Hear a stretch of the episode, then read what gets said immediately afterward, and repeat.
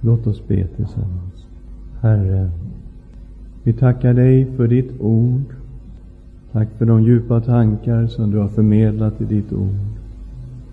Tack Herre att du vill tala till oss om sorg och tröst. I Jesu namn. Amen. Det var Jesus som talade de här orden i bergspredikan. Jag läser vers 3 och 4 av kapitel 5. Saliga är de som är fattiga i anden. Dem tillhör himmelriket. Saliga är de som sörjer. De ska bli tröstade. Spelar det någon roll varför man sörjer? Saliga är de som sörjer, de ska bli tröstade. Det låter ju väldigt brett, väldigt allmänt. Hur är det om ens favoritlag har förlorat i en fotbollsmatch och man är djupt betryckt av sorg? Kan man då åberopa den här versen? Vad tror ni? Alltså, är, spelar det någon roll varför man sörjer? Kan man sörja? Man kan ju sörja för väldigt många saker. Jag menar, jag är ju djurgårdare och när Djurgården förlorar så känns det lite grann så här. Men kan jag gå då till bergspredikan och göra anspråk på att jag ska bli tröstad av Gud? Vad, vad, vad tror ni? Kan det vara vad som helst? Nej, det är en del som ruskar på huvudet och jag ruskar också på huvudet, fast det syns inte, men jag ruskar också. Jag tror att det är inte riktigt så det är tänkt, att det är för precis vad som helst. Faktiskt. I skriften talar ju om sorg. Jag undrar om batterierna slut. Vi får köra utan vår dator tror jag. Jag har ingen kontakt med den. Skriften talar ju om sorg. Och eh, i Jeremia möter vi en sörjande profet och en sörjande Gud.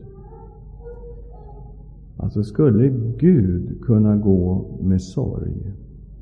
Man tänker det som en djup mänsklig känsla att vi människor går med sorg, men kan Gud gå med sorg?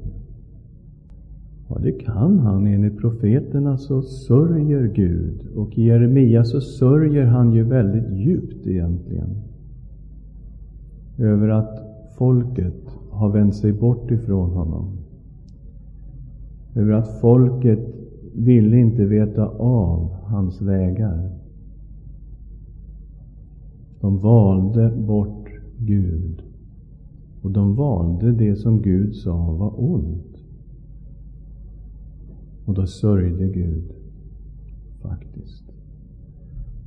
Och Jeremia kallas ju för den gråtande profeten. Han sörjde tillsammans med Gud. Jesus sörjde i Lukas 19 under de mest triumferande ögonblicken av Jesu liv. När folket ropar Hosianna. När han sitter på en åsna för att rida in triumferande i Jerusalem. Så sörjer han.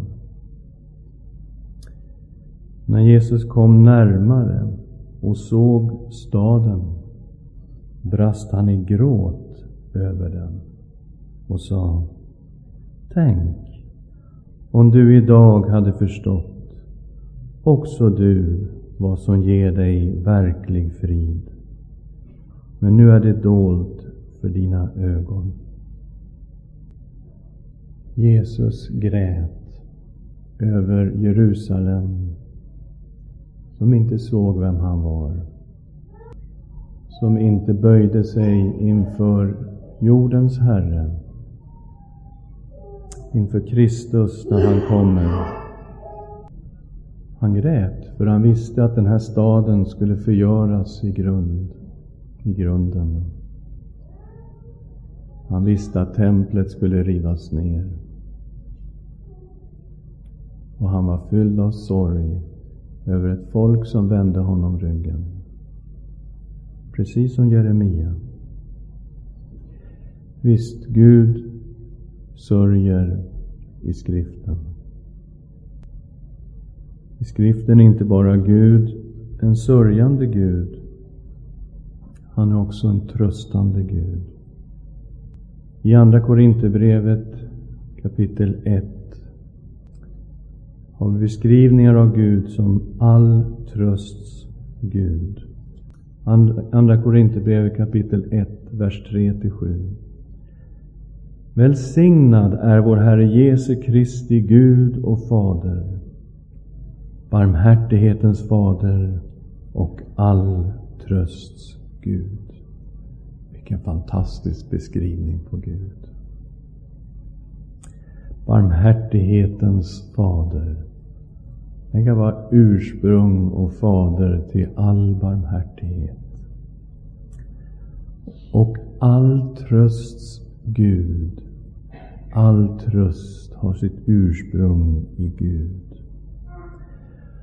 Paulus han tyckte att han hade behövt mycket tröst. De hade varit i en så svår situation att han var rätt säker på att de skulle bli dödade för Kristi skull. De hade till och med börjat misströstat om livet. De trodde det var slut. Men mitt i den här jättesvåra situationen så tröstade Gud. Han som tröstar oss i all vår nöd, så att vi kan trösta dem som är i nöd med den tröst vi själva får av Gud. Gud, all tröst Gud, som tröstar oss i all vår nöd, så att vi kan trösta andra. Ty så som Kristus lidanden flödar över oss, så överflöda genom Kristus också den tröst vi får. Om vi lider nöd sker det för att ni ska få tröst och frälsning. Om vi blir tröstade ska också det uppmuntra er och ge er kraft och uthållighet att bära samma lidanden som vi. Och det hopp vi har när det gäller er är fast, eftersom vi vet att liksom ni delar våra lidanden så delar ni också den tröst vi får. Gud som tröstar i förföljelsen. Och man kan tänka sig många kristna som är utslängda hemifrån för Jesus skull. De är inte välkomna att hälsa på hos sin mamma, sin pappa, sina syskon därför att de följer Jesus. Det finns kristna som samlas i hemlighet en sån här söndag i ett hem någonstans. Polisen kan komma, kan få uppleva misshandel, kastade i fängelse för Jesus skull. Den här situationen som Paulus beskriver, att misströsta om livet, att vara behov av Guds tröst. Det är ingen främmande tanke för många kristna i världen idag. Det är en verklighet som de lever i. Gud, som all trösts Gud,